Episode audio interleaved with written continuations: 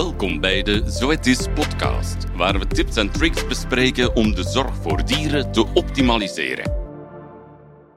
Welkom bij de Zoetis videocast voor paarden. Ik ben Sofie Keersmaker en ik heb hier vandaag twee gasten bij mij in de studio. Annick Grispeert en Marco de Bruin. Annick werkt als dierenarts bij paardenpraktijk Equip, maar is bovendien ook de verantwoordelijke voor Equifocus Point Belgium, een landelijk meldpunt voor infectieuze ziekten bij het paard. En Marco werkt als dierenarts bij paardenkliniek Wolvega, maar is ook een Europees specialist in inwendige ziekten bij het paard. We zullen het vandaag hebben over rhinopneumonie of het equine herpesvirus. Het is iets dat regelmatig in het nieuws blijft opduiken. Kijk maar twee jaar geleden nog in Valencia de grote uitbraak, maar nu ook opnieuw weer een uitbraak in Oliva. Maar wat is nu juist rhinopneumonie? En Marco, kan je ons eigenlijk wat meer vertellen wat de eerste tekenen zijn bij een eventuele besmetting? Ja, ik denk uh, als je je paard goed kent, dan is het denk ik het eerste wat je merkt is dat hij uh, niet helemaal uh, is zoals anders. Uh, niet helemaal blij, attent, misschien het eten niet helemaal op. dan zou ik zeggen van temperaturen. je zou verwachten bij een virale infectie als rhino dat je toch altijd een koortsperiode hebt. vaak met twee hoge, hogere koortspieken. En uh, als jij uh, temperatuur neemt van je paard en uh, dat is boven de 38,5, dan denk ik dat het het verstandigst is om je dierenarts te vragen om je paard na te kijken. de dierenarts, als jou, jouw dierenarts je paard verdenkt van een virale infectie, of van een mogelijk virale infectie of een infectie anderszins, dan bestaat er tegenwoordig wel een relatief eenvoudige manier om snel te testen. En dat is uh, middels uh, PCR-onderzoek op een keelswap. Dus als jouw dierenarts een keelswap instuurt, dan kan die vrij snel resultaat daarvan krijgen met een test op griep en ook op rhino. Ik denk dat dat wel belangrijk is wat je nu gezegd hebt, want niet elk paard met koorts heeft rhinopneumonie. Hè? Dus denk, je kunt het niet zien aan uw paard of aan de symptomen of dat nu rhinopneumonie is of een ander ademhalingsvirus. Dus ik denk dat het heel belangrijk is dat je die test als je ziet dat ze niet in orde zijn. Ja. Dus best eigenlijk meteen gewoon de dierenarts bellen. Ja, lijkt me logisch als je paard niet helemaal in orde is. Hè. Ja. Ik denk dat het ook belangrijk is gewoon om te weten wat dat er aan de hand is. Hè. Precies, hè. het begint met een diagnose. En het, uh, laten we wel zijn, uh, de meeste, uh, het meeste is relatief onschuldig, hè. net zoals bij ons. Alleen um, du moment dat er serieuze koorts is, is het altijd uh, goed om uh, te weten, om, uh, om in ieder geval een poging te doen te achterhalen wat er aan de hand is. Ja, ik denk dat de meeste mensen ook vergeten, als je spreekt over rhinopneumonie, denken ze allemaal aan verlamde paarden of, of zenuwgestoorde paarden, maar eigenlijk komt dat niet zo heel veel voor. Het is eerder uitzonderlijk en ze vergeten dat dat virus continu circuleert en zich verspreidt en ook meer koorts en ademhalingsproblemen heeft dan dat zenuwstoornissen heeft. Dus testen is wel belangrijk. Is paard dan ook al besmettelijk voor andere paarden? Ja, in die fase uh, gaat hij wel uitscheiden, uh, veelal via de neus. Uh, het is ook echt een virus wat of ehm, contact overgedragen wordt. Dus echt middels neus-neuzen. En het kan ook wel op andere manieren neus aan jouw jas en dan aan een ander paard. Of uh, via een drinkbakje, uh, het ene paard in, in de andere box. Maar in principe is het neuzen neuzen het overdrachtsmoment. Ja, tijdens de koortsfase, dus helemaal in het begin, is het virus eigenlijk aan het vermeerderen in de neus. Dat veroorzaakt ook de koorts, omdat je paard daarop reageert. En gaan ze ook nieuwe viruspartikels uitscheiden via de neus. Dus van zodra dat ze koorts maken, zijn ze eigenlijk al besmettelijk. Hè? Ja, dus best toch uh, meteen de juiste hygiënische maatregelen nemen. Ja, nu natuurlijk niet, uh, niet direct in paniek schieten. Hè. We wil, uh, iedereen wordt af en toe ziek, simpel zat. Dus ik zou ook niet direct heel veel overhoop gaan halen op stal. Alleen, het is wel handig om even een testje te doen. Dan weet je waaraan en waaraf. En ook al is al, als alles negatief is, is dan is het ook goed. Hè? Dan weet je in ieder geval, dan hoef ik er waarschijnlijk ook niet te veel rekening mee te houden. Uh, uh, en dan uh, hè, op, op die stal. Maar als het wel positief is, dan is het denk ik even zaak van als gehele stal. Hè?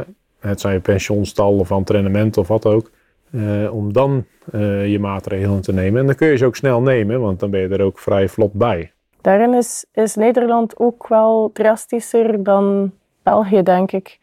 Wij gaan in België een stal sluiten. Ja, om te beginnen kun je daar niemand toe verplichten. Er is niks wettelijk geregeld, dus het hangt allemaal af van wat de eigenaar en de staleigenaar willen doen. Um, maar um, een stal sluiten of aanraden tot sluiten, dat doen wij meestal enkel maar als we geconfronteerd worden met zenuwstoornissen. Als het gewoon een paard is met, met ademhalingsproblemen en koorts, dan zeggen we natuurlijk, dat is logisch, hè? dan moet je met dat paard niet ergens naartoe gaan en nou maar dat paard. Maar ga ook niet echt aanraden om die stal te sluiten, omdat dat in de meeste stallen continu circuleert. Ik denk als we daarmee beginnen, moeten we bijna elke stal één of twee keer per jaar sluiten. Dat lijkt mij niet echt nee. nuttig. Nee, in principe is het zo dat uh, in uh, 2015 is er een richtlijn opgesteld uh, vanuit de dierenartsorde in, in Nederland om in geval van neurologische gevallen indringend erop te wijzen het beste is de stal te sluiten. Ja, ehm, dat is hier ja, ja. ook zo. Maar ik weet niet of er in Nederland verplichtingen aan verbonden zijn. Uh, feitelijk is er wettelijk uh, heel weinig geregeld. Hè? Mm. En uh, het ministerie van Landbouw laat alles aan de sector zelf over. Ja. En de sector zelf heeft, denk ik, de dingen maar tot een bepaalde hoogte geregeld. Dat is hier ook een beetje zo in België. Als de eigenaar niet wenst om daar iets mee te doen, of zijn stal gewoon open te laten, dan kan dat hier gewoon. Hè. Je kunt ja. wettelijk nooit tot iets verplicht worden. Nee, dat gezegd hebbende, uh, denk ik dat we uh, wel uh, ervan bewust moeten zijn dat als jij paarden van meerdere eigenaren op een stal hebt en jij zou niet de passende maatregelen, wat de gemeente aan passende maatregelen vindt, en dan kan er natuurlijk ook naar die richtlijn verwezen worden, dan ben je wellicht qua uh, in juridische termen laakbaar. En dan. Ja, ik weet niet eens of dat hier wettelijk geregeld is, maar het is effectief wel zo. Als er hier nu maatregelen genomen worden, dat meestal direct openbaar gemaakt wordt van de staleigenaar uit, omdat er nog altijd een heel groot taboe heerst op rino hebben en dat verzwijgen en de verspreiding. Dus meestal doen de mensen dat wel. Ja. Dat ze, er, er komt heel veel paniek en er komen heel veel beschuldigingen en via social media loopt dat ogenblikkelijk uit de hand. Dus het is beter dat ze het zelf naar buiten brengen en zeggen we hebben al, al de maatregelen genomen. Dat is nu meestal de situatie waar we momenteel in zitten in België. Ja, dat klopt. Ja. Eh, eh, waar voorheen nog wel eens uh, ja. de, de, neiging was om de zaken wat weg te moffelen. Ja. Of niet te testen, hè? want als je niet test, dan mhm. heb je ook geen problemen. Ja. Maar uh, tegenwoordig, en net wat je zegt met social media, uh, alles gaat zo snel rond. Uh, mijn advies aan elke stal-eigenaar zou zijn, of in ieder geval elk hippisch bedrijf met klanten, om gewoon zelf de lead te nemen in de informatievoorziening open kaart te spelen. Open hè, kaart en essentieel uh, dat, je, dat je in de lead blijft met de informatievoorziening om mm -hmm. uh, alle negatieve uh, berichtgeving zoveel mogelijk voor te zijn. Ja. En ook om te laten, actief te laten zien dat je je best doet om dingen in goede banen te leiden. Klopt, want er wordt heel veel rondverteld en heel snel. Ja. Het is ongelooflijk hoe dat het, het verhaal vermenigvuldigt op een paar uur tijd eigenlijk. Hè? Ja. Best is open kaart spelen en alles zelf onder controle houden, denk ik. Ja, en natuurlijk als je gaat testen, dan weet je dat het EAV1 of EAV4 is, waarbij de EAV1 natuurlijk de respiratoire of de zenuwstoornissen ook wel kan veroorzaken. Want mensen zien dat nogal vaak als twee verschillende virussen. Mm Klopt, dat, dat, is eigenlijk niet correct. Hè. Ik, ik weet dat dat in Nederland ook dikwijls gebruikt wordt. Er zijn verschillende vormen van rhino. Ik ben daar een beetje, ik heb daar problemen mee. Omdat ze soms gecommuniceerd wordt van ja, mijn paard is positief voor rhinopneumonie, maar het is maar de ademhalingsvorm. Dat is helemaal niet correct. Hè? Uit die ademhalingsvorm, als dat een, een drachtige merrie is die de ademhalingsvorm heeft, dan zal die ook verwerpen. En uh, dan heb je ook de kans dat hij zenuwstoornissen krijgt. Het is niet dat dat virus dan plots muteert in dat lichaam en ineens een andere verschijningsvorm heeft. Het is hetzelfde virus. En als hij een ademhalingsvorm in je stal hebt, dan is de kans er dat je ook abortus zult krijgen en zenuwstoornissen. Dat zijn geen losstaande dingen. Nee, klopt. Jij zou liever over uh, één en uh, apart over vier spreken. Het is gewoon, ja, het is gewoon rhinopneumonie, is EHV1. En ja. dan moet je opletten, want als je koorts hebt, kunnen er ook nog andere symptomen uitvolgen.